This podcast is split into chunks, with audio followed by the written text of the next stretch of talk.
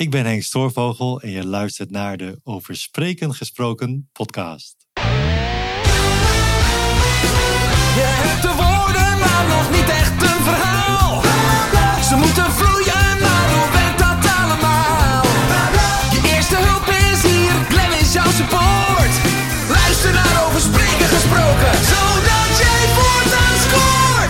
Hey hallo en wat fijn dat je luistert naar de Over Spreken Gesproken podcast aflevering 80. Al 80 afleveringen lang onderzoeken wij het onderscheidende vermogen van de beste sprekers van Nederland en leren we korte metten maken met plankenkoorts en spreken met meer impact. En in deze aflevering interview ik Henk Stoorvogel. Henk is theoloog en communicatiewetenschapper en schrijver van maar liefst meer dan 25 boeken. Misschien hoor jij nu de naam Henk Stoorvogel voor het eerst, maar in de christelijke gemeenschap is Henk wereldberoemd. Is hij een man van formaat, want in, eh, al sinds zijn tienerjaren heeft hij ervaring met preken en staat hij geregeld voor duizenden mensen te spreken. In 2019 promoveerde hij op een onderzoek naar de veranderkracht van preken. En eh, sindsdien is hij oprichter van de Sermon Movement Center en de School voor Spreekvaardigheid. En is hij oprichter van de christelijke mannenbeweging De Vierde Musketier. En al zijn ervaring pakt hij nu samen in twee stromingen: leiderschap en spreekvaardigheid. En over die laatste heeft hij een boek geschreven. Klink. Spreken met impact. Geschreven met Mark van Vuren.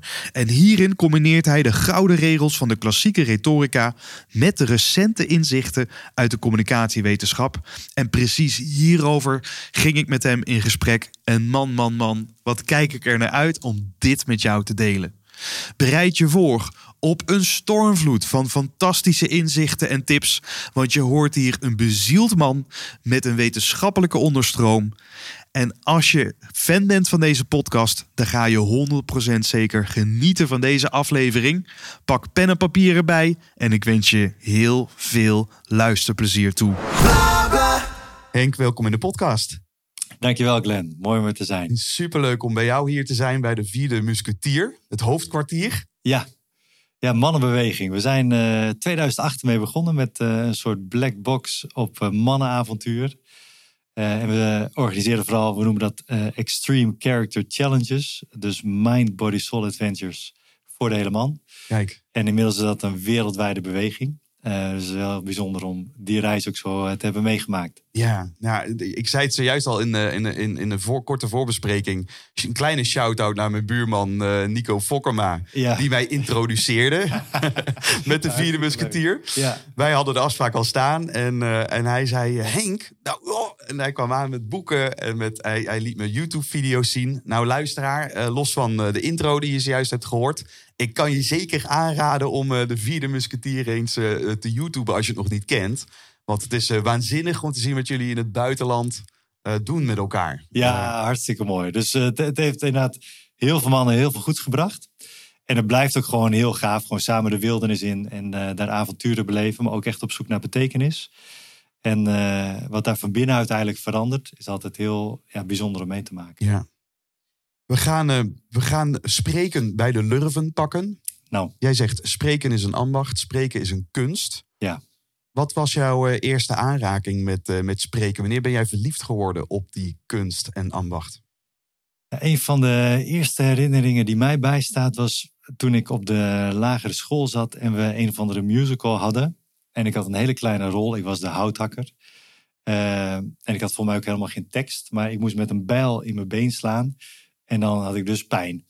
En eh, op een gegeven moment, ik sloeg met die bijl in mijn been, eh, nep. En toen ging ik heel hard schreeuwen en het hele publiek moest heel hard lachen. En toen dacht ik van, hé, hey, het maakt dus uit van hoe je dingen doet, eh, met welk effect je krijgt. Want ik deed ook een keer dat ik dan niet zo hard schreeuwde. En er kwam er veel minder reactie uit de zaal. En dat is een herinnering die me echt helder voor de bril staat van, hé, hey, het gaat niet alleen om inhoud, maar ook de vorm van het vertolken van die inhoud, wat dan eh, effect wel of niet heeft. Ja. Ehm, nou ja, en sindsdien, ik ben eh, eigenlijk veel blijven spreken ook eh, nadien. Ja. Wanneer heb jij jouw eerste stapjes gemaakt als prediker? Nou, dat begon eigenlijk toen ik eh 17 werd. Toen begon ik met dingen delen vanuit de Bijbel. dingen delen vanuit het leven. En aan allemaal andere 17-jarigen. Op een gegeven moment, eh, toen ik studeerde, toen heb ik een eh, organisatie opgezet die heel veel sportclinics gaf aan eh, Mhm. jongeren in achterstandswijken. Daar zijn we ook de hele wereld mee over gereisd. En dan hadden we ook altijd in de pauze van de sport hadden we dan dingen die we vertelden van nou, hoe je waardegedreven kunt leven, hoe je eh, on top van dingen kan zijn, hoe je kunt ontwikkelen als persoon. Dus stond ik op eindeloos veel veldjes ook weer te spreken. En daar leer je heel veel van. Als je buiten spreekt, dat is vaak, eh, want je hebt heel veel ruis zit eromheen. Ja. En dan voor jonge mensen, met allemaal passanten. Ja. Eh, dus ja, om dan aandacht vast te houden, om goede spanningsbogen te bouwen, eh, om puntig een boodschap te brengen. Dat heb ik daar echt heel erg geleerd. Ja, ze zei, het, het oude spreekwoord jong geleerd, oud gedaan komt, komt in mij op. Maar ook omdat je dan niet de ideale omstandigheden hebt nog. Dus je leert er heel snel, oké, als ik nu niet echt boeiend ben, ja, die gaan ze gewoon iets anders doen. Ja, nou, ik, ik weet nog een keer, toen stonden we in een eh, ghetto ergens in een stad in Amerika. Ik weet niet meer precies welke. Hadden we iets van honderd jongeren die we voetbaltraining gaven. Dat is daar een beetje een eh, nieuwe sport, was het toen voor veel mensen. En ik had een hele, tenminste ik vond een leuke oefening bedacht. Dan had je zeg maar twee eh, rijen mensen en met een heleboel ballen. En eh dat was dan de helft van de deelnemers en de andere helft moest er tussendoor rennen. En dan mocht je elkaar afschieten met de bal. Oké. Kun je een beetje leren richten. Nou, en, maar daar, in Nederland werkt het super mooi, maar daar schoten ze elkaar af. Maar dan was het echt van als iemand werd geraakt, dan was het wie schoot die bal? en dan vlogen ze erop. Dus echt binnen de kortste keer had ik daar een kluwen van vechtende in die hele. Daarna moest ik dus nog een praatje doen van jongens, hè, we gaan eh, het leven een beetje beter doen. Ja, precies, waardig gedreven. ja. Dus nou, daar leer je wel van spreken, zeg maar. eh, ja. Als, je, als je dat specifiek maakt, wat, wat, hoe, heb, hoe heb je dat daar toen dan aangepakt? Hoe zorg je dan dat ze dan überhaupt zin hebben om daarnaar te luisteren? Ja, ik moet wel eerlijk zeggen, er was niet heel veel eer meer aan te behalen. Maar eh, op een gegeven moment had ik ze wel allemaal weer op die tribune. En ik stond er dan voor. En je voelt je dan super naakt. Hè? Dus dat is ook al heel goed in het spreken van oké. eh, dus als je moet spreken voor publiek dat niet wil luisteren, dat in de weerstand zit, dat eh, vol endorfine zit eh, en eh, agressie. En dus nou, een paar grappen maken. Wel ook in je volle stem gaan spreken. Dus dat je in ieder geval goed volume hebt. Zeker voor zo'n ruimte was onversterkt. Dat Ja. je ze dan allemaal erbij moet halen. En dat je dan indikt. Hè? Dus je gaat echt weer maximaal terug naar de kern van de kern. Ja. Want als je dan lang gaat spreken, nou ja, dan vallen ze dan met honderd eh, man jou aan. Dus Ja. eh, Spannend lijkt me, maar ook super leerzaam. ja, het is fantastisch. Eh, het, de 10.000 uren regel, zo'n bekende regel, Ja. die heb ik zeker gemaakt. Ja. Ja. ja, ik denk vanaf mijn zeventiende dat ik zo zes keer per week gemiddeld voor een groep heb gestaan om te spreken. Dan moet je dus kijken, hè? dan maak ik even snel rekensommetje. Ja, ik ben nu eh 44. Je zou niet zeggen, Henk. Zou niet zeggen. Nee. oh, jongen, jongen, jongens bij elkaar. maar we hebben heel wat vlieguren gemaakt. En op een gegeven moment eh, eerst in Nederland heel veel. En op een gegeven moment eh, de wereld over heel veel. Ja, dus veel meters gemaakt. In Ja. verschillende talen. Het mooiste vind ik altijd nog buiten spreken. Dus dat is wel eh, als ik gewoon De buitenlucht bedoel je dan? Oké. ja. Dus als ik op een berg sta of bij een waterval of ergens gewoon buiten. eh, omdat je daar ook zo één bent eigenlijk met de natuur, met het zijn, met eh, de schepping. En als je het dan gaat hebben over essenties van het leven. Ja, dan klopt decor en inhoud ja. zeg maar maximaal. Ja. Dus dat vind ik... eh, Dan heb je natuurlijk als het gaat over die beleving, die ervaring. Ja, Ja. Die, dat, dat, dat element heb je dan gewoon al. Dat is het mooiste decor wat je kan hebben. Als spreker, kan ik me voorstellen. Ja. ja, En je hebt mensen al meegenomen op letterlijk op reis. Nou, dat is natuurlijk. Spreken is mensen meenemen op reis. Nou, als je dan letterlijk op reis bent, op tocht. Nou, dan is het natuurlijk een prachtige metafoor. Heb je dan al meteen te ja pakken. en, en het versterkt dan eigenlijk allemaal dubbelop. Dus eh, vaak zie je ook dat spreken daar meer impact nog weer heeft dan in een zaal. Ja. Wat toch wat artificiëler is. Hè. Het is verduisterd, donker. Anders. Er, er kunnen ook fantastische dingen gebeuren. Maar buiten op een berg Dat is, de mooiste. eh, dat is het jouw grootste kwispel. ja, Ja. Ja. Ik, ik vind het wel interessant als jij, als we het dan hebben over die eh 10.000 uren norm. Nou, die heb je gedaan. Je hebt een hoop ervaring. En toch besloot je op een gegeven moment om communicatiewetenschappen te gaan studeren. Eh, wat, wat, wat, was, wat was die keuze? Want je, ja, kan, kan zeggen, nou, dit gaat al lekker. Het gaat goed. Ik sta voor soms tienduizenden mensen. ja, Dus eh, echt voor luisteraar moet je even voorstellen, weet je wel. Wij, eh, wij high five elkaar al bij een paar honderd. Wat niet wil zeggen, het gaat niet om de aantal natuurlijk. Het gaat om de impact die je maakt. ja, Ehm, ma- maar dan nog, ja, er, er is, er zat dus iets dat, dat behoefte had aan, aan meer. Aan, Ja. aan misschien nog specifieker, nog scherper. ja. Nou, ik begon die studie eigenlijk eh, toen ik 17 was, ging studeren. Toen begon ik met bestuurskunde. Eh, dat was een beetje breed. Dat was toen in Enschede. Eh, en daar heb ik de proper Duits gedaan, maar ik vond er eigenlijk niet zo heel veel aan. Het was communicatiewetenschap net een nieuwe studie. Mhm. Dus die ben ik toen gaan doen in eh, Enschede ook. Dus eh, ik zat zo'n beetje bij de eerste lichting die die studie heeft eh, gedaan. Oh, je, bent, je bent wel al op jonge leeftijd communicatiewetenschappen Ja. Oké, want ik, ik zat ook in mijn hoofd met de, met de, de pro, produizen of de Promotie. promotie die je een paar jaar geleden hebt gedaan. Klopt. Maar toen had je wel al de basis van. Ja, dus Eh, de bachelor, heb ik eigenlijk toen gedaan. ja. En mijn maatje, Mark van Vuren, die bleef hangen aan de universiteit. Die bleef communicatie doseren daar. Ja. Ehm, en hij vroeg mij, ik denk nu 15 jaar geleden of zo, toen spraken we elkaar en zei, "Phil, zou je niet willen promoveren? Ik zat toen nog in een fase van mijn leven dat ik zei van nou, elke uitdaging die op mijn pad komt, die ga ik aan. dus toen hij dat zei, zei ik, prima joh, gaan we dat doen. Eh, dus zo ben ik het promotietraject gestart. Ah, ja. En daar ben ik, heb ik lang over gedaan. Eh, dus ik zeg vaak, eh, ik ben misschien wel slim, maar niet zo snel. Ik heb wel elf jaar heb ik erover gedaan. Elf jaar, ja? Ja. Ja, maar ja, goed, het moest naast alles. Hè? Ja, ja, ja, ja. externe promovendus. Dus je bent een wereldwijde beweging aan het opbouwen en allerlei dingen aan het lostrekken. Het is niet dat jij geen boeken schrijft on the side, zeg maar. dat gebeurt ook nog gewoon. Ja, en er kwamen kinderen en er was eh, van alles. Ja. Eh, maar goed, op een gegeven moment was het af. Dus dat is ook wel hartstikke mooi. 2019 eh, is dat promotieonderzoek afgerond. ja. En je hebt promotie gedaan uiteindelijk naar de, de ambacht. Ja. eh, van spreken, van preken ook. Ja. Ehm, want dat is eigenlijk, als ik, eh, als ik om me heen kijk... en ik, ik, heb, ik ben eh, katholiek opgevoed... tot aan het vormsel. Nu, nou, geen idee. Ik ben gewoon vooral nieuwsgierig, weet je wel. Ja. Dus ja, geef de naam agnost. Niet dat ik me daar... Maar in ieder geval, ik heb kerken gezien van binnen. Nu in mijn omgeving, ik woon in Gorkum. Dus Ja. eh, dat schuurt tegen de Bijbelbelt aan. Ja. Eh, dus, dus er zijn nog wel een paar, soms mensen die zeggen, eh, eh, kom eens mee. Nou, vind ik, vind ik leuk om, eh, om, om, om dat mee te maken. Ja.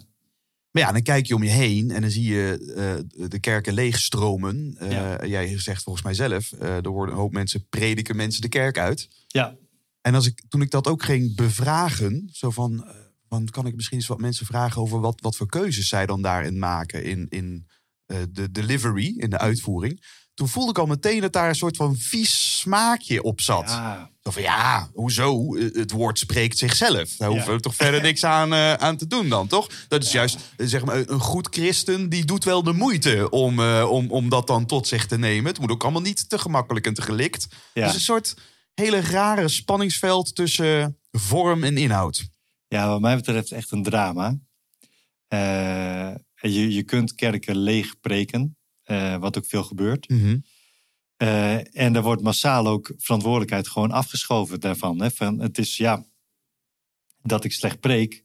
Eh, want in de kerk is ook vaak nog het idee van ja, de, God die moet zijn woord laten gebeuren, maar bij de mensen. Ja. Dus het hangt af van de werking van de geest.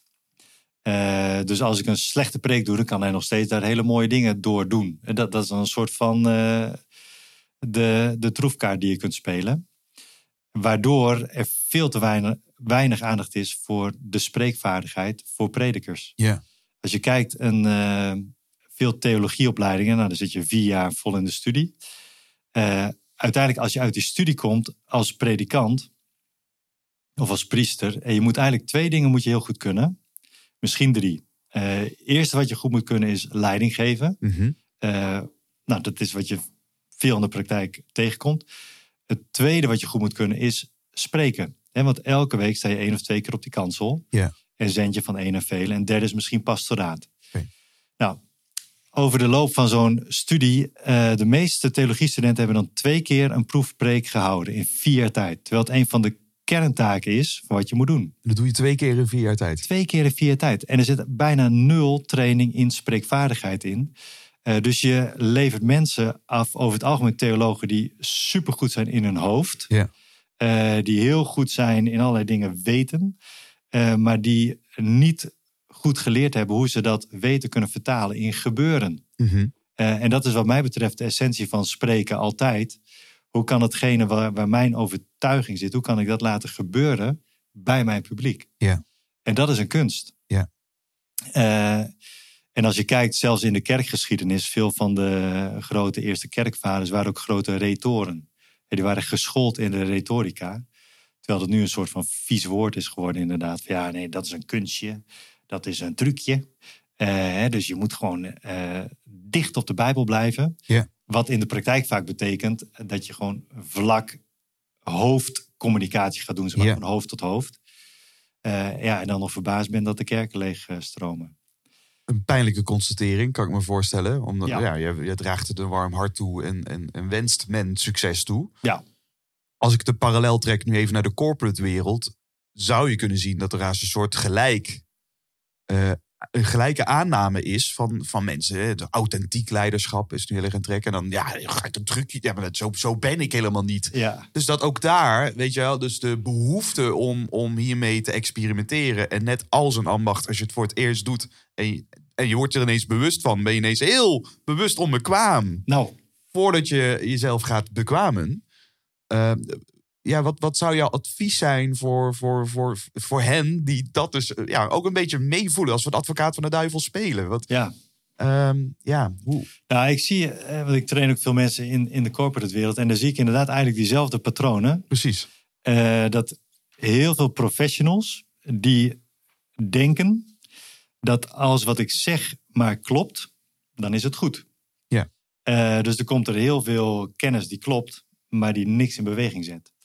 Eh, en ja, de kunst van spreken is hoe je datgene waarvan je weet dat het klopt, hoe dat bij de hoorder kan gaan plaatsvinden. Dus dat gaat over dat proces, de dynamiek van communicatie. Dus het gaat over verbinding maken. Het gaat over het creëren van dynamiek en spanningsbogen.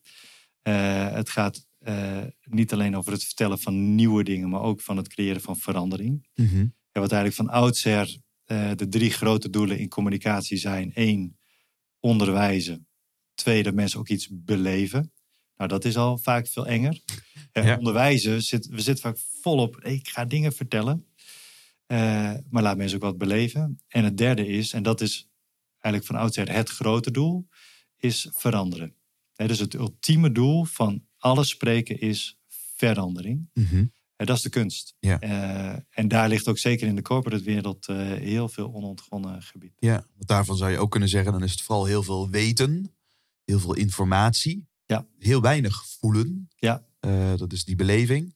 En dan uiteindelijk, als je die twee bij elkaar doet en je doet dat goed, dan gaan mensen iets doen. Ja, Ehm, en dat is natuurlijk ook, ja, dat is wat ik op mezelf als sprekersregisseur voortdurend door zeggen. Minder informeren, meer inspireren, meer beleving. Ja.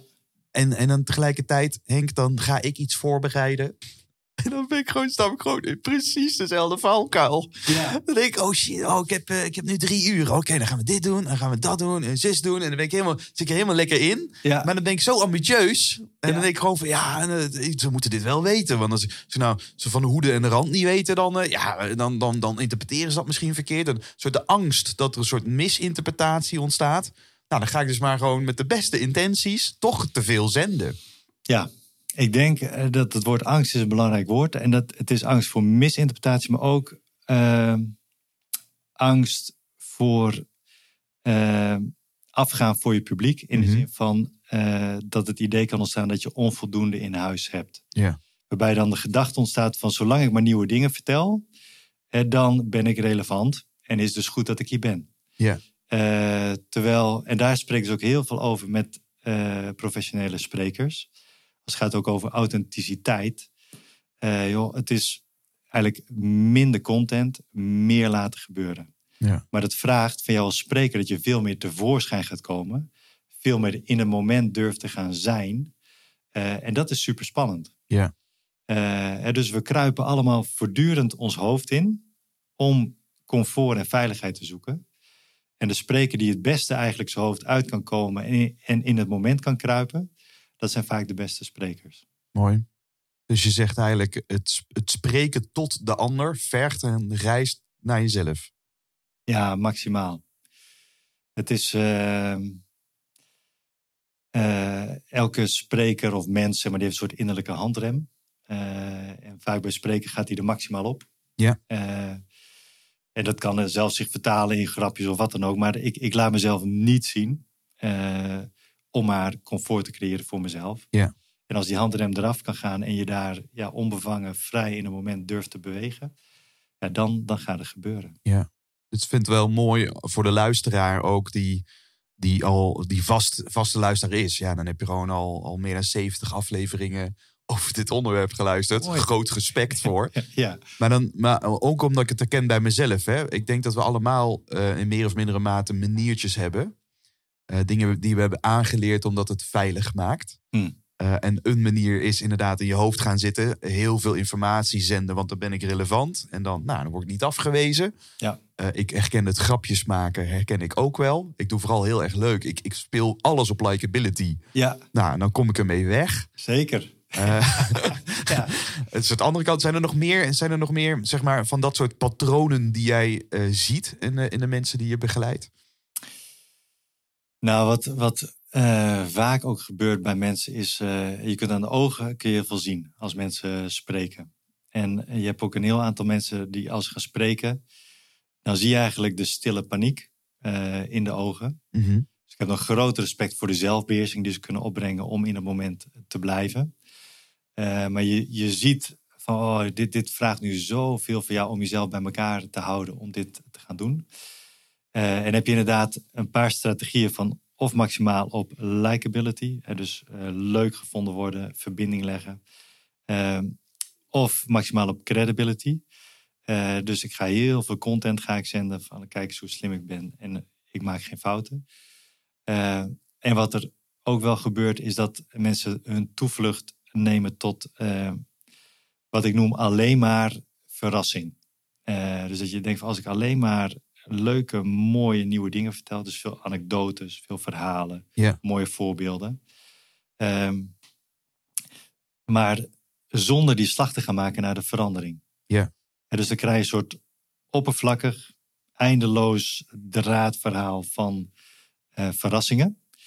Wat uiteindelijk ook weer doodslaat. Ja. Eh, te veel verrassing, ja, dat wordt ook flauw. Ja. Eh, dus daar ontbreekt de spanningsboog. Ja, precies. Dus, Ja. dus je zou ook kunnen zeggen dan, als ik dan eerst veel te veel heb voorbereid en dat helemaal vastzet en dan hè, controle hoor ik hè, de heel duidelijk de be- behoefte aan controle in plaats van loslaten, Ja. waarin de verbinding ontstaat. Ja. Maar als die controle dus helemaal loslaat, en ik kan me voorstellen dat mensen in de, in de ontwikkeling van spreker van, van gecontroleerd voorbereiden naar ineens loslaten, dat ja, dat, je kan het niet improviseren. Alle fantastische sprekers die, ja, die hebben daarover nagedacht. Zeker. Die, die hebben de meest spontane zaken. Daar, daar zit ook een gedachte achter. Ja. ja, en ik denk zeker de eerste paar honderd keer moet je gewoon heel goed voorbereiden. Eh, je hebt inderdaad ook veel sprekers die zeggen, joh, ik schrijf niks uit, want eh dan ben- dan kan ik niet meer vrij zijn. Ik zeg eigenlijk wel altijd veel, je eerste paar honderd moet je woordelijk uitschrijven, zodat je gevoel gaat krijgen wat taal en vorm, wat het doet. En wanneer je gevoel krijgt voor die verhoudingen en wat effect heeft en wat niet, op een gegeven moment kun je ermee gaan spelen. Ja. Eh, maar het is wel een belangrijke discipline om dat eerst te leren. Resume, als we het hebben over de, de inleiding ook eh, in, in jouw boek, dan, dan zeg jij ook in het begin: ehm, spreken dat vraagt een paar zaken. Hmm. Eh, drie, om precies te zijn. Die drie eenheid komt natuurlijk ook voortdurend terug in het, in het boek. Komen we nog wel op, hè, over Ja. het belang van de drie eenheid. Ja. Ehm, ehm, maar zou je die eerste drie, dat is een moed, volgens mij de vaardigheid creëren om, om verhalen eh, eh, te maken en, en ook bezieling. Ja. Zou je die willen toelichten? Nou, eh, moed. voor mij spreken inderdaad in essentie is het moed. Eh, moedig zijn. Eh, dus dat je je plek in de arena durft in te nemen. Dat je tevoorschijn durft te komen als mens. Ja. Eigenlijk waar we het net ook over hadden. Ehm, en wat ik in mijn training eigenlijk ook... Nou, de- in de eerste sessie bespreken we dit. En iedereen die knikt dan, ja, eh, moet. Belangrijk. Maar goed, gaande de sessies en dan gaan we ook het, het spreken trainen. En dus ik zeg ook vaak, joh, en nu knik je ja. Eh, en uiteindelijk ga je ontdekken dat dit eigenlijk het grootste punt is. Waar we het meest aan moeten gaan werken. Mhm. Eh, dus dat tevoorschijn komen van de mens. En dat heeft te maken met een stukje rijping van je als persoon. Het heeft te maken met eh, de interne dialogen die rondgaan in je hoofd. Ja. En legitimeer je jezelf om te spreken. Er zijn heel veel mensen die een soort van. nou, als uit de kindertijd er dingen mis zijn gegaan met vader of met moeder of met andere archetypes van gezag. dat dat een soort van nog mensen klein houdt in het spreken. En het daarom ook extra spannend houdt. En het vraagt moed om al die zaken onder ogen te komen. Om vrij te komen. Om maximaal te kunnen zijn in het moment. Ja. Ehm, het tweede, als het gaat om eh, vaardigheid. ehm, gaat met name ook, ik, wat ik veel merk, de vaardigheid van compositie is een hele belangrijke. Dus hoe bouw ik een goede spanningsboog? Dus ik kan wel goede ideeën hebben. Maar in welke volgorde zet ik die, zodat er ook het effect gaat ontstaan wat ik hoop. En wat er vaak mist, is eh, de verbinding. Eh, dus dat is bijna 100% dat iedereen die ik bij me krijg, die maakt eh, geen natuurlijke verbinding. Dus die denken van als ik een voorbeeld vertel, dan is het verbinding. Mhm. Maar ik zeg vaak als spreker is het cruciaal dat je een connoisseur van de menselijke ziel bent. Dat je weet op welke wijze dit thema aan het diepste zijn ook van je hoorders raakt. En dat je dat weet te expliciteren. Dat je daar vorm en taal aan weet te geven. Zodat mensen gaan voelen van ja, dit is niet alleen een verhaal van jou, maar dit gaat ook over mij. Eh, en die vaardigheid eh, om compositie, maar ook verbinding te kunnen gaan creëren, is ook iets wat eh, een soort braakliggend terrein is. En dan bezieling. Ik zeg, ik zeg even te kwispelen nu. Er zijn er honderd vragen die me opkomen. Maar ik laat je, ik laat je even je punt, punt afmaken. Ja, Ja. bezieling met vuur. Gewoon, eh, Ja, ja, maar, ja, maar ook dat veronderstelt weer allemaal zaken natuurlijk. Dat je weet waar die bezieling dan zit. Eh, misschien dan ook wel weer het verleden wat... Ik, ik, ik zeg vaak, en het, de vaste luisteraars denken, daar gaat hij weer. De shit uit het verleden is de mest voor de toekomst. mooi. Dus ik, de grootste bezieling voel ik natuurlijk voor de hindernissen die ik in het verleden heb moeten overbruggen. Zeker. Als ik daar contact mee kan maken, dan, dan vormt dat een voedingsbodem. Ja, En tegelijkertijd, als, dat, dat vraagt dus ook liefdevol ernaar kijken. In plaats van ja, marineren, een slachtofferrol en, en daarin blijven hangen. Want dat Ja. is niet inspirerend Nee. om daarnaar te luisteren. Naar een pessimistische, zure. zure, ja, ja, ja, verbitterde, nee, noem het maar op. Ja. Ja. Nee, dat, dat inspireert niet. Nee. Ehm, maar dit, dit voelt haast therapeutisch, Henk. Ik, eh, waanzinnig interessant. Maar ik zie ook meteen voor me hoe. Ik, ik voel ook de noodzaak ervan. Ja. Maar ik denk ook meteen. Ja, hoe, eh, hoe pak jij dat aan in jouw eh, sprekersopleiding, in jouw, in jouw training? Hoe ziet dat eruit? Ja, nou wat ik vaak doe is dat we eh, vier sessies van een dagdeel doen. Mhm. Ehm, waarbij we de eerste sessie leg ik uit hoe communicatie werkt. Het hele begrippenkader. En dan is iedereen nog blij. Dat is, eh, super. Mooi, gaaf. Hè? Leuk. Dus het hele model van Klink. Ah, mooi. Ik, ik eh, zie het. Dan voor de tweede keer, iedereen gaat het verhaal voorbereiden voor de eigen context. Ehm, en dan gaan ze de zaken toepassen. En dan krijg je dat, eh nou, waar we het van tevoren ook al even over hadden. Mensen voelen zich eigenlijk maximaal bewust onbekwaam. Ja. Ik denk van, kak joh, als ik nu een spanningsboog moet bouwen, dat is echt wel een klus. En eh, als ik grip wil krijgen op vorm en taal, dat valt niet mee. Maar goed, er worden hele goede stappen worden daar gezet. En hebben dan de twee sessies daarna gaan mensen live spreken. In een kleine setting, vaak met vier, vijf mensen. Ehm, en je spreekt, eh, je kan vertellen van nou, hoe was dit voor jou? Je krijgt feedback uit de ruimte. Je kunt dat processen, dan geef ik een paar dingen mee. En ja, dat gaat eigenlijk, bijna altijd gaat het over eh, compositie, vorm en taal, maar ook over de persoon zelf. Ja. Eh, dus daar ontstaat inderdaad op dat snijvlak van persoon eh, en ambacht, ontstaat therapie. Ja, dat is een groot woord, maar wel live coaching, echt op het zijn. En ik merk dat het gaat over groei in spreekvaardigheid, maar ook maximale groei in persoon. Ja. Eigenlijk persoonlijk leiderschap ook. Ja. Eh, het gaat over zelfbewustzijn. En wat roep ik op bij de ander? Het gaat over zelfexpressie. In hoeverre ben ik in staat om mijn scherpe denken te vertalen in de praktijk onder spanning eh, van een spreekbeurt? Ehm, en het gaat over zelfbeheersing. Ja. Kan ik mezelf in, in het moment van het spreken voor 15, 20 minuten zodanig beheersen dat precies dat gaat gebeuren wat ik hoop? Ja. Eh, dus het gaat eigenlijk maximaal over persoonlijke groei. Ja. Eh, dus dat doen we in kleine groepen. eh, dat we als consultants daar bovenop zitten. En eigenlijk in twee maanden tijd een intens proces van ontwikkeling begeleiden. Wauw. En dat intense proces, dat, is dus, dat zijn dus vier halve dagen. Ja, en Samenkomen. Wat live coaching. dus mensen sturen hun verhalen in. Ja. Wat er ook vaak gebeurt is dat er dan dingen los worden gemaakt. Dat ze dan en nog een, een coaching boeken van joh, kunnen we daar nog wat dieper op in? Eh, want ja, ik, ik voel dat er dingen met mij gebeuren, maar ik kan er net niet bij. Ja. Nou, dat leggen we dan bloot. En dan, eh, Mooi. Het, het, ja, het klinkt waanzinnig interessant. En het rijmt met ja, die, die, de factoren eh, die, die je ook in het boek beschrijft. En natuurlijk in de eeuwenoude retorica bekend zijn. Namelijk, je hebt je boodschap, je, je hebt jezelf en je hebt je toehoorders. En je zal uiteindelijk een, een, een, een lijn moeten hebben met al die drie facetten. Want, Ja. want haal er eentje tussenuit. En, en je, bent, je hebt geen impact meer. nee, zo is het. Ehm, en de manier om dat te kunnen doen, eh, daar, daar heb je vijf stappen Ja. in, eh, in ontwikkeld. Ja. Die noemde je zojuist al een paar keer. Ja, ik heb eh, die, die stappen die zijn ook zo oud eigenlijk als de mensheid. hè. Die komen ook bij Aristoteles, Cicero, eh, Quintilianus is ook zo mooi van zo'n retor. Die heeft een machtig dik boek geschreven. Maar dat zijn de vijf kanons, eh, worden die genoemd van de spreekvaardigheid. Nou, wij hebben Mark van Vuren, mijn promotor, vriend en ik, we hebben dat samengevat in het boek Klink. En hebben dat wat up-to-date gemaakt, dus in vijf O's. Dus het begint met de fase van ontdekken. Dan naar ordenen, omschrijven, onthouden, overdragen. Dat zijn eigenlijk de vijf stappen die je elke keer weer zet als je wil komen tot een verbindend en overtuigend verhaal. Ja.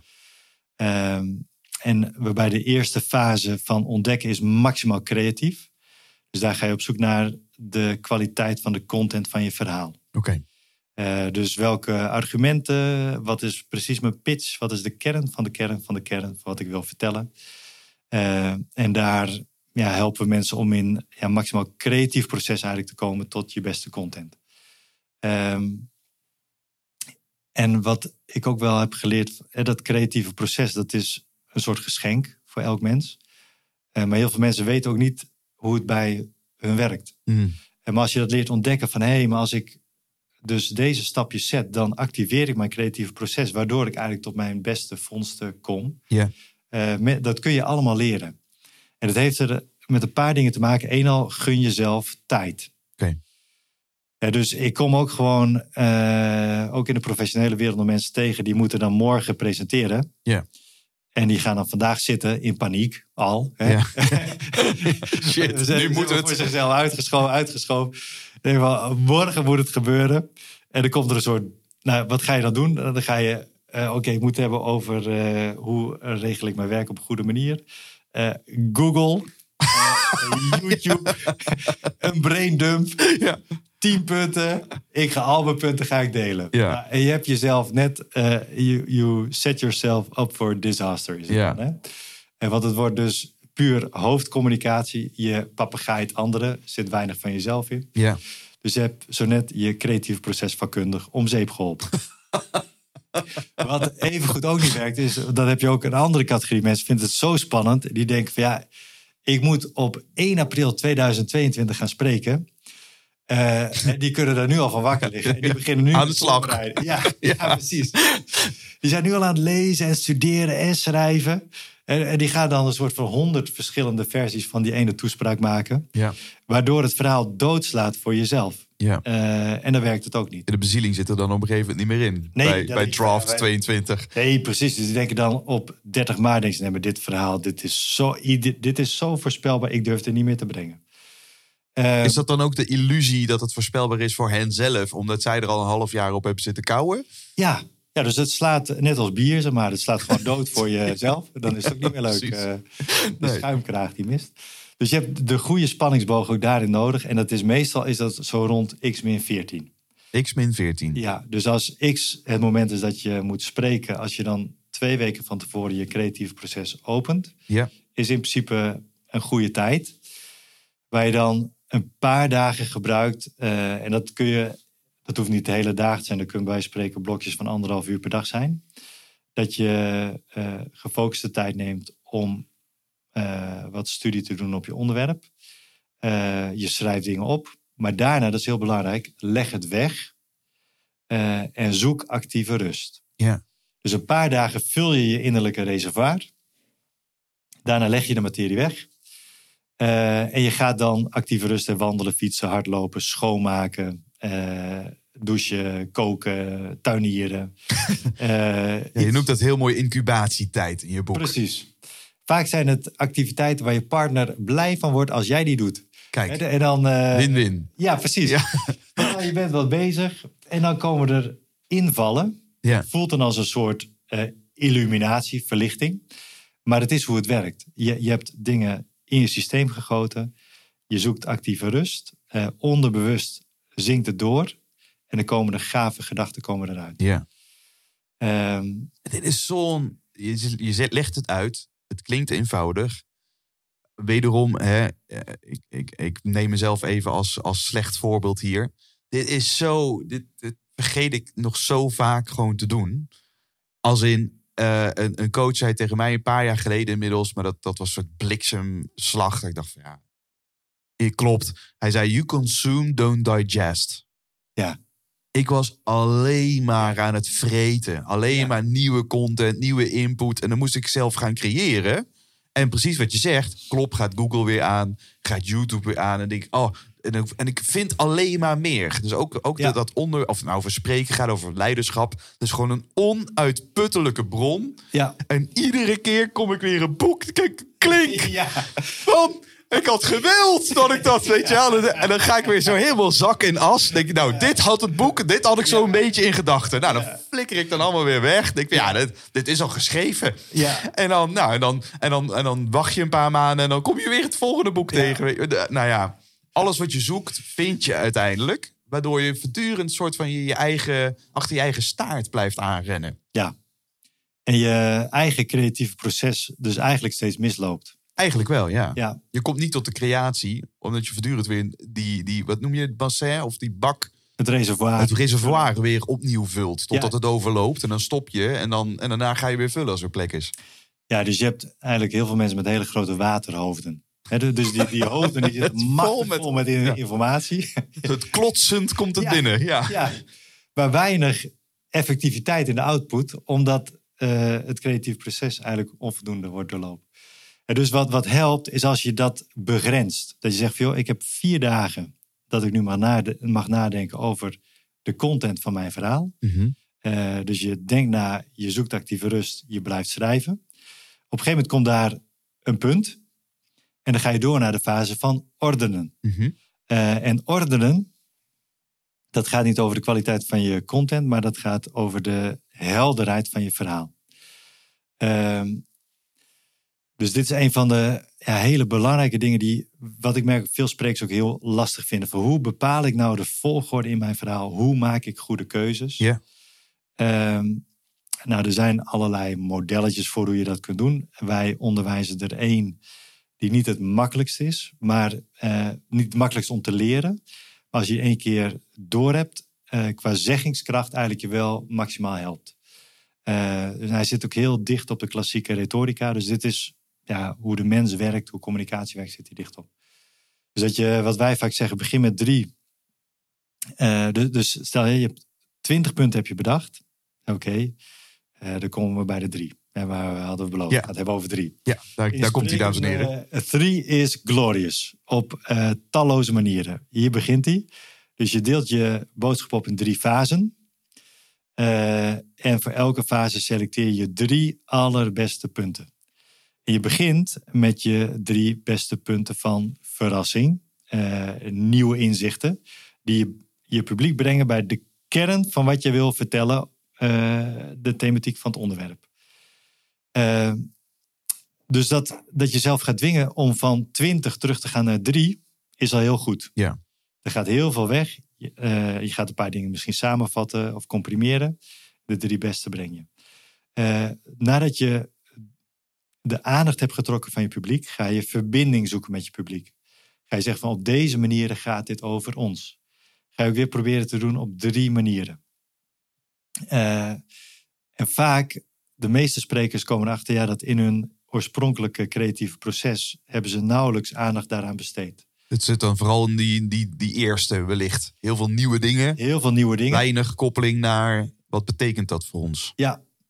Dus, dus waar schuurt het? Waar raakt het? Waar eh, gaat dit over ons eh, allemaal? Eh, of waarom gaat het nou steeds mis? Mhm. Waarom lukt het mij niet? En dat, dat gaat vaak over de basisemoties. Dus het gaat over angst, over vreugde, over verdriet, over boosheid. Oké. Dus het lef hebben om onder de oppervlakte te duiken op, op die terreinen. Waar dit ook over gaat, deze fase van verbinden, is wat ik noem de as van connectie en conflict. Dus de meeste van ons hebben de default modus van connectie. Eh, dus als we ergens komen, nou, we, ja, dat gaat hartstikke goed ook We, we vandaag. glimlachen naar elkaar. Ja, we zijn aardig. Ja, Ja.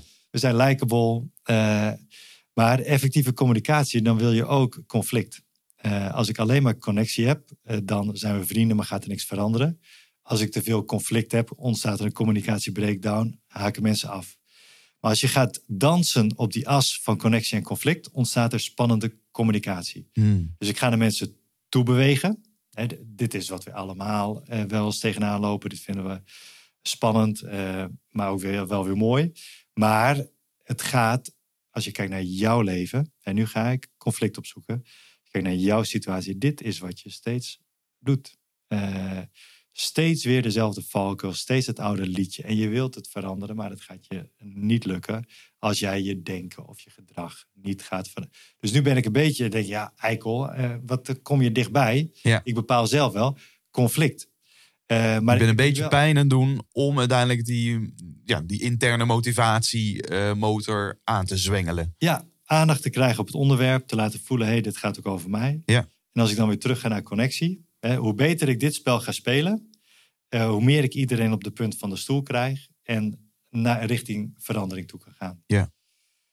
De derde en laatste fase eh, wordt dan de fase van je oplossing. Het is ook een veel gemaakte fout, is dat mensen te vroeg beginnen met hun goede nieuws. Hmm. Te vroeg beginnen met hun oplossing. Soms beginnen ze daar al mee. Jongens, we hebben iets fantastisch bedacht. Ja, Dan komt, wij zijn zo'n gave club. Ik ga jullie vertellen wie we zijn en wat we kunnen. Ja. Eh, wij van eh WC Eend weten supergoed hoe het... eh, en dan denken we, ja, maar ik heb helemaal geen vieze wc. Hè, dus waarom... dus je, als je mensen niet de diepte hebt ingeleid... dan zit ze nog niet te wachten op je oplossing. Mhm.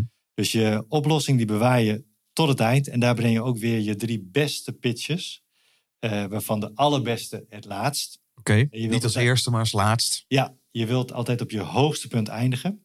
Mhm. Eh, dus maximaal doortrekken. Eh, dus je hoogste punt als laatst. En dan eh, je drie beste pitches van... daarom is het goed dat we dit, dit en dit gaan doen.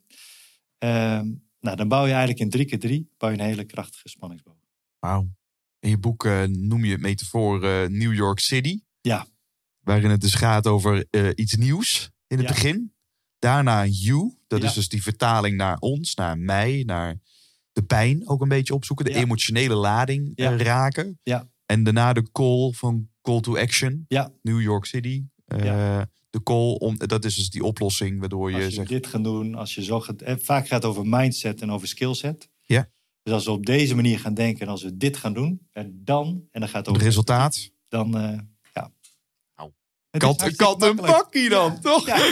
Nee, Nou, dus als je het ziet, is Ja. het... eh, Ja, en hier openbaart zich ook een beetje Henk de wetenschapper, denk ik. En dat vind ik zo gaaf, ook in dit gesprek. Eh, uiteindelijk zijn ingewikkelde dingen eenvoudig maken is natuurlijk de kunst. Daar waar kennis nuanceert.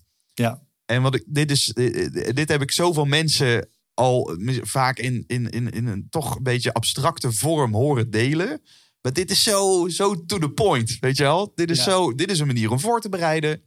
Dit is een manier om, eh, om dan uiteindelijk te gaan ordenen. ja, Eh, eh, en in die voorbereiding, dus die eerste stap, dat is ontdekken. Daar heb je een lijst met verschillende strategieën hoe je dat kan doen. Ja. Nou, ook super concreet. Volgens mij een lijst van acht of zo, Ja. verschillende strategieën. Ehm Poeh, eh, ik, ben, ik ben toch wel even benieuwd als jij dan... eh, So far so good. Laten we die pijn dan ook eens even, even opzoeken. Eh, waar gaat het, als, je, dus als mensen hiermee bezig zijn... We hebben natuurlijk al een paar dingen genoemd in ontdekken. Wat, wat, wat zijn praktische tips die je bij ordenen kunt geven... wat, wat vaak misgaat, wat je niet goed ziet gaan? ja, nou sowieso vinden mensen ordenen vaak lastig. Ehm, Kill Your Darlings is volgens mij ook nooit leuk. dat Ja. is niet leuk. Ehm, en het hele grip krijgen op de spanningsboog, dat is vaak een manier van denken die redelijk, daar moeten mensen vaak een beetje aan wennen, om dat eh, zich eigen te maken. Maar als de kwartjes vallen, hey, dan gaat hij. Een paar van de meest gemaakte fouten zijn eh, dat je goede nieuws te vroeg brengt. Dus dat je die eigenlijk al in het begin van je toespraak hebt. Eh, andere veelgemaakte fout is dat het stuk van you vrijwel helemaal ontbreekt. Of dat mensen denken, als ik een verhaaltje vertel, dan ben ik aan het verbinden. Maar ja, verhaal hoeft helemaal niet verbinden te zijn. Dat gaat over jou, niet over mij. Eh, dus ik wil echt zielscontact van podium naar zaal. En dat vraagt dat tevoorschijn komen van de spreker. eh, dansen op die as. Ja. Ehm, Dus met you bedoel je ook daadwerkelijk, dat is die luisteraar.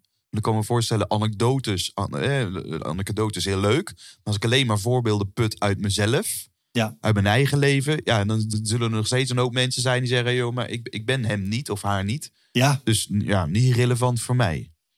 Nee, klopt. Het zijn structuren van intensivering die je daarin kunt toepassen. Van als ik het heb over nou, wij Nederlanders, hè, voor een groep eh, van Nederlanders, nou, dan kan de helft van de zaal denken, ja, het, eh, mooi, ja, inderdaad, wij Nederlanders eh, hebben een probleem hiermee. Dat klopt. Alle Nederlanders hebben, hebben dat probleem, maar ik er niet. Ja. Hè, want ik ben geen Nederlander, ik ben een Fries. Hè? ik woon- dus als het gaat over ons, nou, dan kun je heel makkelijk kun je ontsnappen Ja. als ik dan eh, ga toewegen van ja, wij Nederlanders naar, eh, nou, maar er zijn mensen hier in deze ruimte. Eh, of misschien denk jij nu dat. En ik ga verbaliseren wat andere mensen in die ruimte op dat moment daadwerkelijk denken. Mhm. Kom ik al veel, veel dichterbij. Ja. Als ik dan direct ga aanspreken. Jij zit er nu.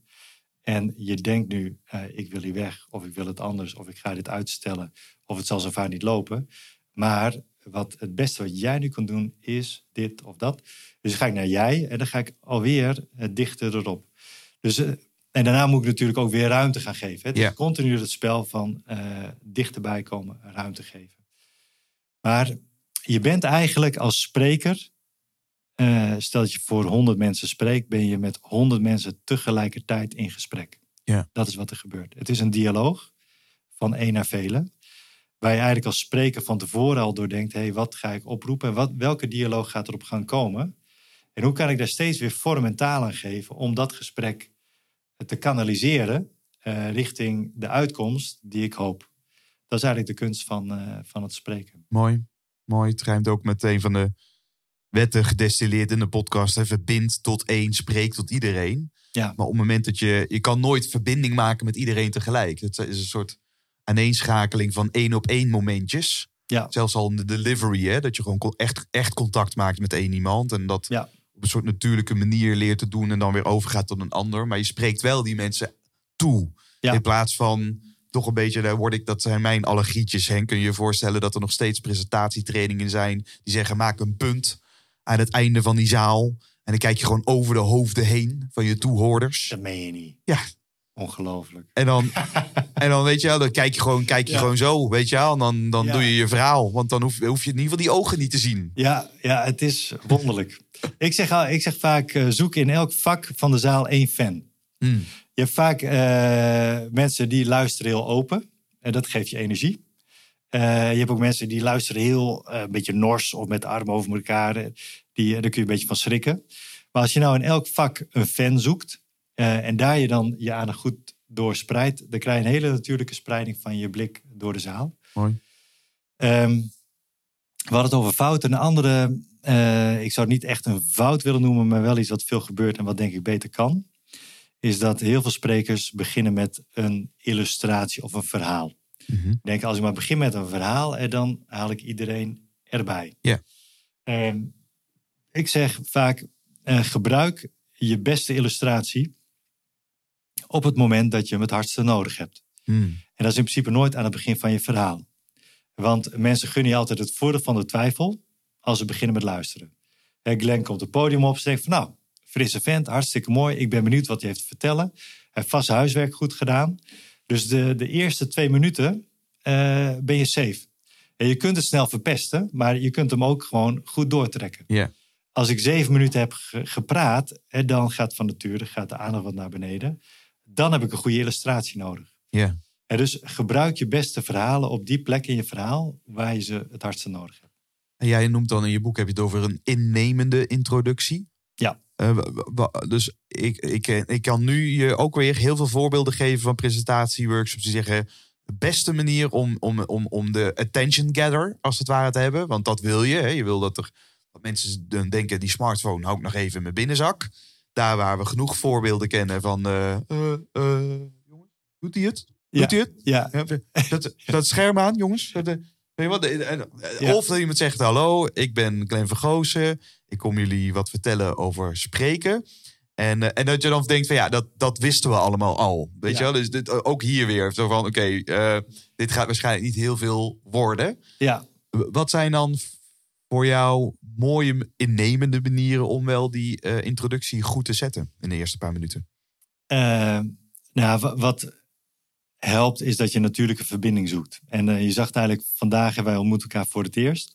Gebeurt het ook al heel natuurlijk dat jij vertelt over je buurman.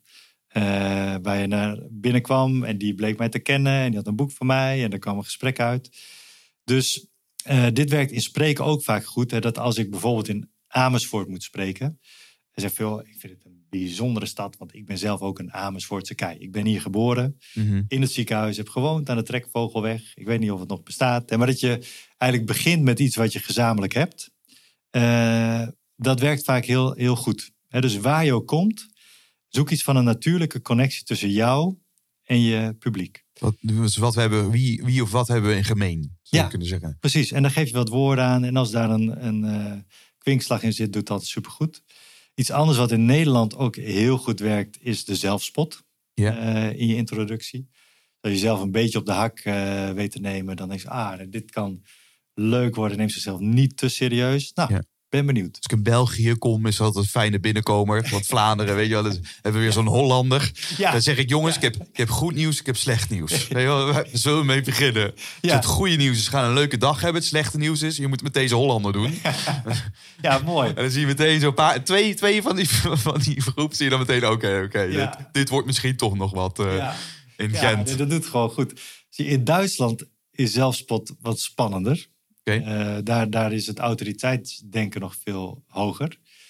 Dus daar moet je jezelf vaak eh, niet te klein maken aan het begin. Toch de credibility dan handig om te zeggen, joh, ik heb ervaring met... Her, dokter Stoorvogel, die komt Ja, vertellen. ja, dat wordt ook zo... eh, Oh, knipmessen, en dan hartstikke mooi. Dan gaat, terwijl Nederland, ja, doe maar normaal. En een van ons, en Ja. ons mee.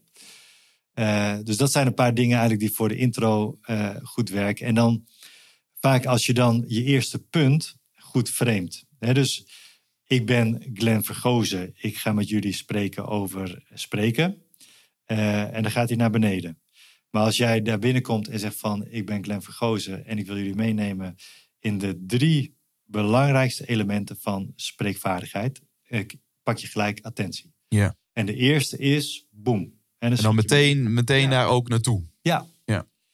Ja. En dan heb je helemaal niet een eh, verhaal of illustratie. Hè. Gebruik je beste verhaal op het moment dat je hem hardst nodig hebt.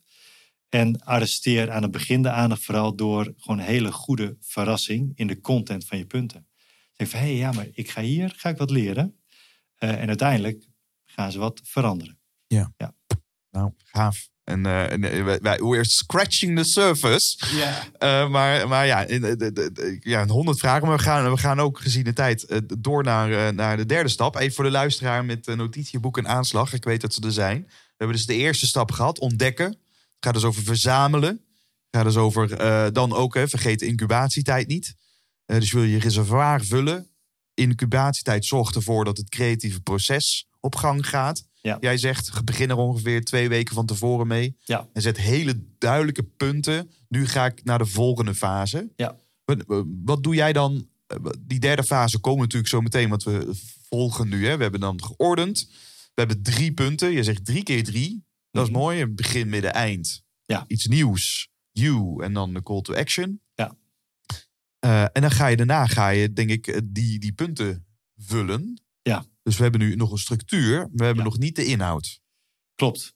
En dan ga je eigenlijk de stap zetten naar de fase van omschrijven. Mhm. Dus eh, ontdekken gaat over de kwaliteit van je inhoud. Eh, ordenen gaat over de helderheid van je verhaal. En omschrijven over de zeggingskracht van je verhaal. Dus daar ga je eigenlijk je verhaal onweerstaanbaar maken. Ja. Eh, dat gaat heel erg over vormentaal. Eh, Ik vind zelf vaak ook wel een hele leuke fase, want er kan niet zoveel meer misgaan. En want ik heb goede ideeën en ik heb een goede volgorde. Je zou, het fundament staat, zou je nu kunnen Precies. zeggen. Ja. Dus het kan niet veel slechter worden, het kan alleen nog maar beter worden. Maar Ik, ik wil je niet inbreken, maar wat ik wel leuk vind hier, want er zijn gastsprekers in het boek. Eh, de luisteraars hebben dat in de intro kort kunnen horen. Eh, In deze, eh, dit geval vond ik, vond ik het metafoor van een gastspreker geniaal gevonden. Dat Ja. is misschien stiekem mijn lievelingsgastspreker, Ah, namelijk Mohammed Ali. Ja, precies. Eh, en eh, dat, je, dat je het weet, voel je vrij om hem te verwerken in het metafoor van het eh, omschrijven. Ja, nee, mooi. We, hebben- we inderdaad per fase hebben we eigenlijk één iconische figuur steeds gekozen. Van wie is er nou, als het gaat over creatief proces, wie is de meest creatieve persoon die we konden bedenken? Nou, dan hebben we Da Vinci ingevoerd.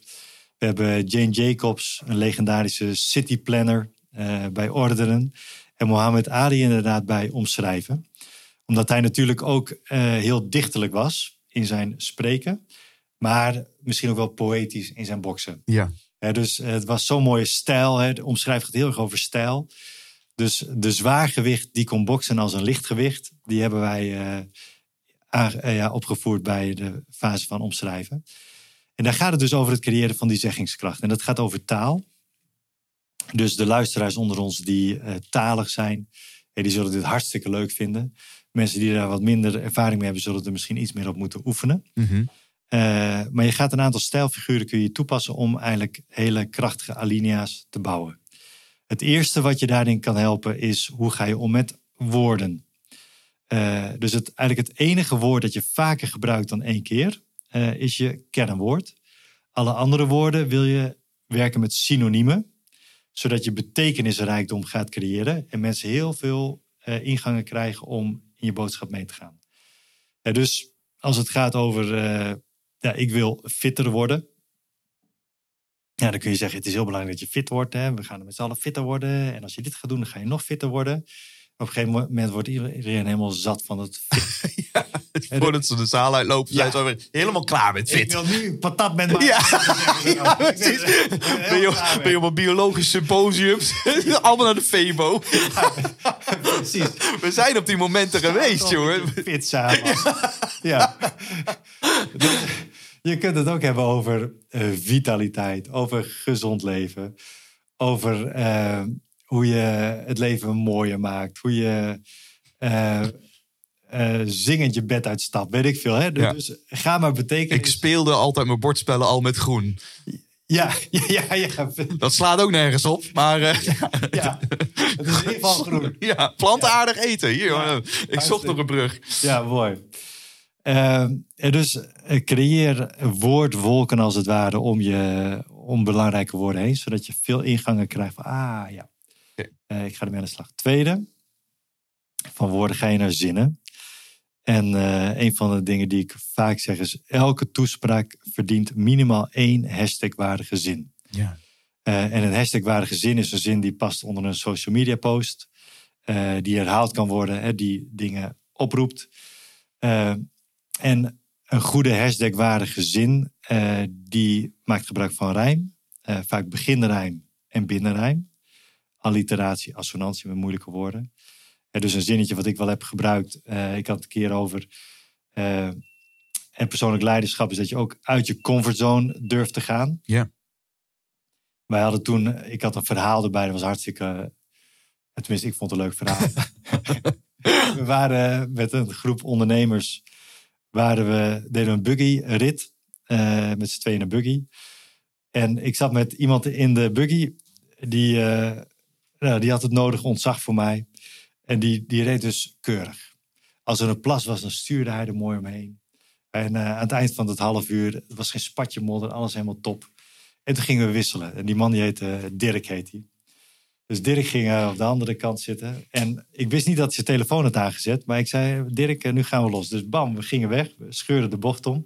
De eerste beste modderpoel. Die ging er Vol doorheen. doorheen. En hij begon te schreeuwen en te doen. En Henk, wat doe je? Doe normaal. Dit kun je niet maken. Maar echt, eh, binnen vijf minuten, eh, zaak, zaaknat waren. Dat was fantastisch. Dus eh, als het gaat over buiten je comfortzone, pakte ik die metafoor van stuur je buggy de blubber in.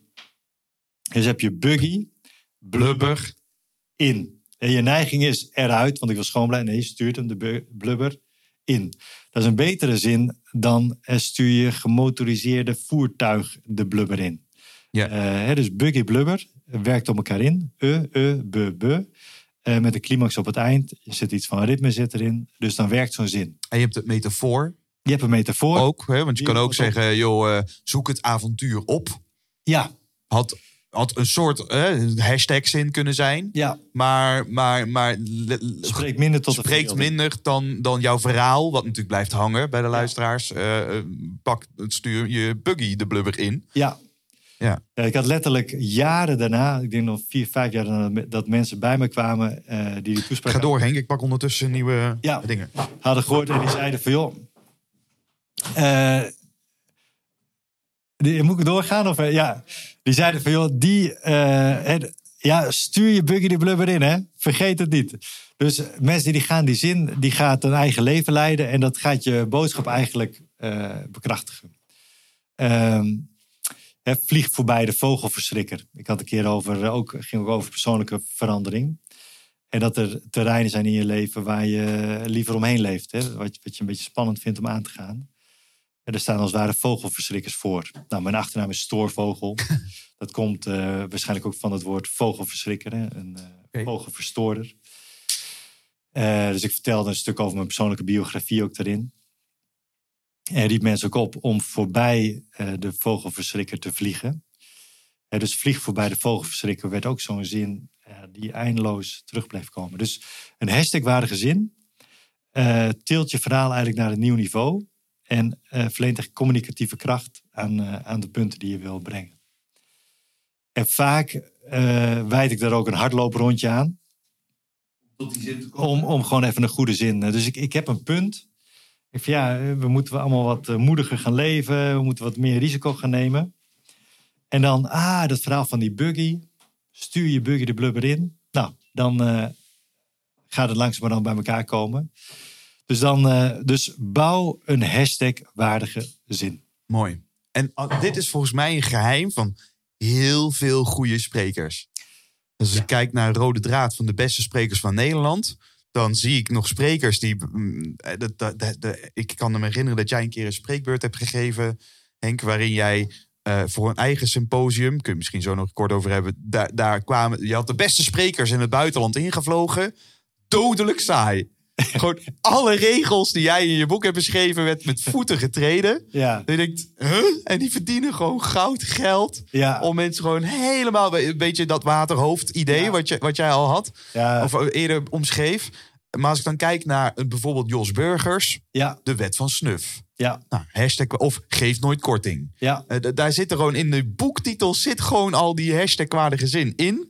Ja, En dan heb je eigenlijk gewoon zijn tagline al te pakken. En dan heeft hij talloze voorbeelden om datzelfde punt te maken. ja, Eh, nou, als we kijken naar Remco Klaassen. ja, Die heeft gewoon de content van ja, allerlei andere goeroes. Maar eh, veel ook van Seven Habits van Stephen Covey. Maar hij heeft gewoon die zinnen gewoon net iets beter vertaald. ja, Dan heb je dan zo'n zin bij Stephen Covey die heel mooi is. Maar hij zegt dan, als jij geen plan maakt voor je eigen leven... word je ingezet in andermans plannen. ja, En dat is gewoon zo'n mooie zin. ja.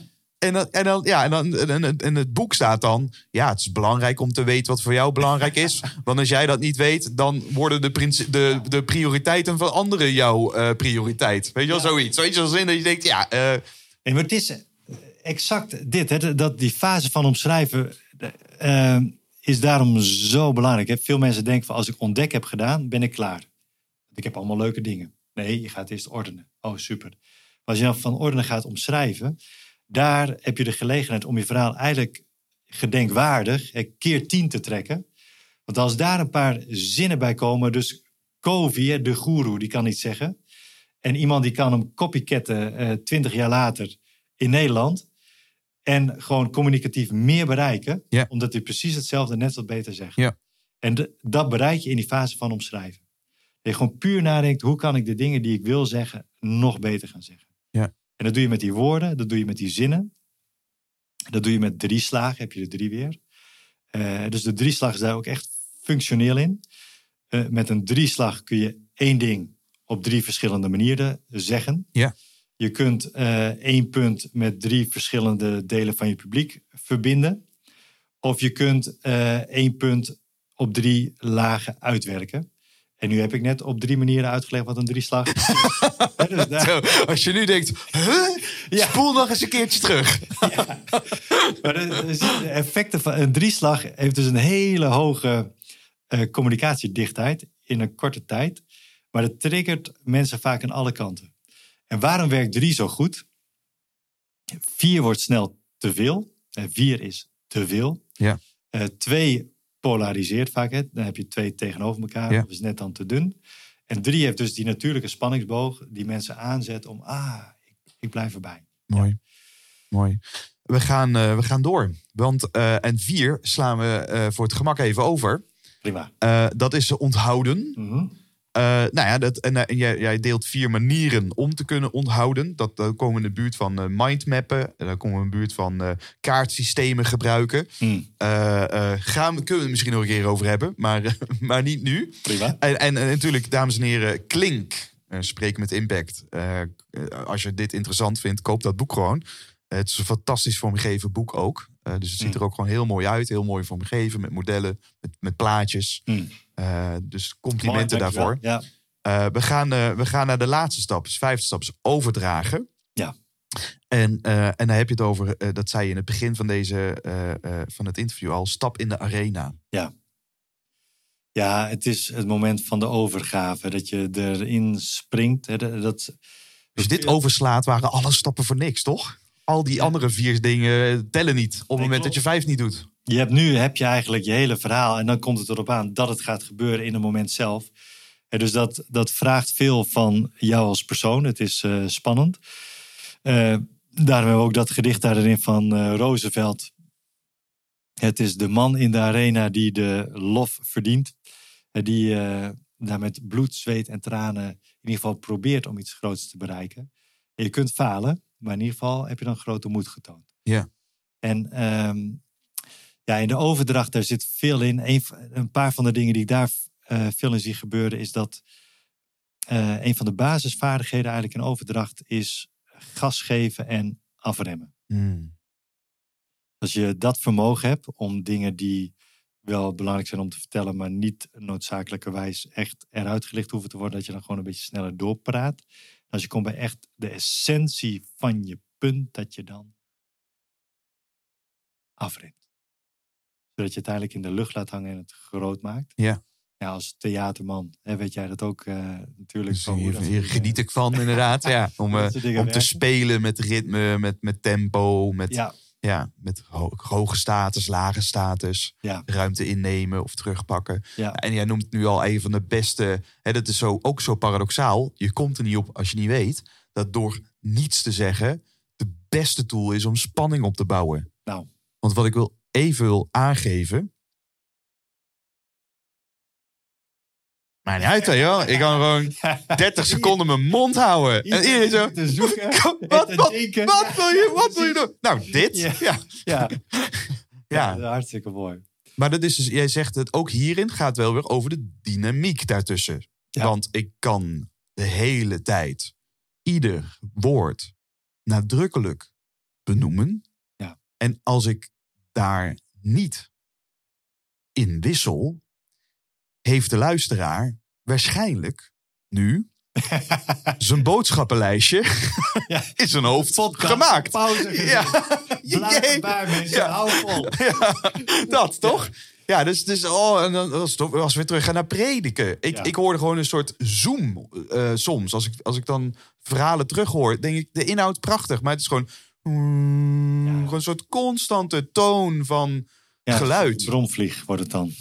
Ja, Ik wil het woord niet gebruiken, Henk, maar ja, ja bromvlieg. Ja, nee, ja, inderdaad. Nee, maar eh, dus eh, gaan staan in het moment. En daar gaat dus ook voor een deel over dus die zelfbeheersing en die zelfexpressie. Dat je eigenlijk jouw instrumentarium als spreker zodanig gaat beheersen... dat je dat moment maximaal durft te gaan pakken.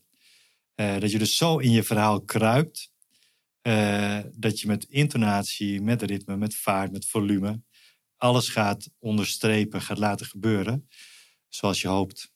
Ja. En dat vraagt veel training ook. Hè? Dus dat je daar eh, een stap in gaat zetten. Dat je gaat merken van, hé, hey, als ik dit doe, gebeurt er dat. Als ik dat doe, gebeurt dat niet. Eh, Oké. Een soort muscle memory die je moet opbouwen voor jezelf. Ja, Omdat het ook iets fysieks wordt nu, hè? ja, We, het- we ge- we geven het nu gestalte. Je hebt in je boek ook weer hier komt een mooie drie luik, eh, namelijk eh, presence, plek en performance. ja, Eh, presence is dan de, het charisma wat je creëert, hoe je overkomt of hoe. precies. Het, het, dus als, als mens volledig opduiken in het moment. Ja. En dat gaat heel erg over positieve energie. Zie veel mensen die vinden spreken zo spannend dat ze in hun hoofd kruipen en dan ook stoppen met lachen. En we zijn heel erg aan het denken steeds. En vergeten dan eigenlijk te lachen. Terwijl heel veel van je verbinding zit inderdaad in de ogen, in de lach. En dus dat helpt mensen al. Oké, geef de mensen jouw lach. Blijf dat maar oefenen en doen. Eh, steeds weer die positieve energie brengen. Als mens daar volledig zijn. Je niet verstoppen. Verstop je niet achter een katheder. Verstop je niet achter blaadjes. Verstop je niet achter een PowerPoint. Verstop je niet achter eh, een gesloten blik. Hè, maar kom tevoorschijn als mens. Hoe meer jij tevoorschijn durft te komen daar, Ja. hoe krachtiger je communicatie zal zijn. Dus hoe naakter jij je eigenlijk voelt, hoe fijner het is voor het publiek als ik daar de hele persoon zie. Zo is het. Ja. Ook weer hier weer paradoxaal kan ik me voorstellen voor de spreker ten opzichte van het effect wat je sorteert Ja, bij de toehoorders. ja het, het is, eh, dat maakt dat ja, spreken ook hoog staat op de lijstjes van de grootste angsten. Ja. Dat je gewoon voelt van ja, als ik echt wat wil, dan moet ik hier mezelf echt geven. Eh, en er zoveel in ons leven is allemaal erop gericht om onszelf staande te houden en te verbergen. Van jongs af aan wordt dat een soort van erin geramd. Allemaal maskers erop, allemaal laagjes huid eroverheen. Niemand kan ons meer raken, en maar niemand kan ons ook meer zien. Ja. Eh, en in spreken wil je dat juist afpellen en weer tevoorschijn komen. Eh, dus de mens die de meeste vrede heeft met zichzelf, kan vaak ook eh, de meeste eh, vrede sluiten met het publiek. Mooi. Als je kijkt naar jouw onderzoek en, en, en je bent nu gepromoveerd. Je hebt een prachtig boek, wat mede daardoor het resultaat is van het werk. Ja. Wat, heb je zelf, wat ben je zelf anders gaan doen sinds dat onderzoek? Ja, nou. Ehm, ik zie ja, ik, vinger, ik, Ja. ik, ik heb een punt. Want- Eureka, ja. Nou, want ik las, laatst las ik het boek Imperium, las ik van eh, opkomst en ondergang van Barcelona, ging het over. Fascinerend boek. En er werd iets geschreven over Johan Cruijff wat mij triggerde, dat eigenlijk bij, over hem werd gezegd van tot zijn 35ste of zo, dat hij heel goed kon voetballen Mhm. en ook heel veel voetbalde. Eh, en ook heel veel over praten. Maar dat hij eigenlijk pas zo vanaf zijn 40ste goed, goed begon uit te leggen wat nou maakte waarom hij altijd zo goed was geweest. Ah, ja. Eh, dus eigenlijk pas vanaf zijn veertigste kon hij woorden geven aan de techniek op zo'n manier dat andere mensen er ook van konden leren. En toen ik dat las, toen dacht ik van ja, maar di- dit is wat ik wel herken. Van ik heb zelf heel veel gesproken, eindeloos vaak gedaan. En dan ook veel over gepraat, gespart enzovoort. Maar ik kon eigenlijk nooit die black box op zo'n manier uitpakken en daar woorden aan geven dat andere mensen er ook van konden leren. Ja. Eh, en ik heb het idee dat door het promotieonderzoek en door dit boek te schrijven, daar doorheen te gaan, dat ik nu in die fase ben van hey, ik kan nu woorden geven aan wat er in de black box van communicatie gebeurt, zodat jij eh, beter kan worden op die punten waar jij tegenaan loopt. Ja. Eh, en dat vind ik eigenlijk de grootste winst in het hele proces. Eh, dat ik bij, nou, bij mezelf ook heb leren zien eigenlijk van dit is eigenlijk wat je doet. Ja. Ah ja.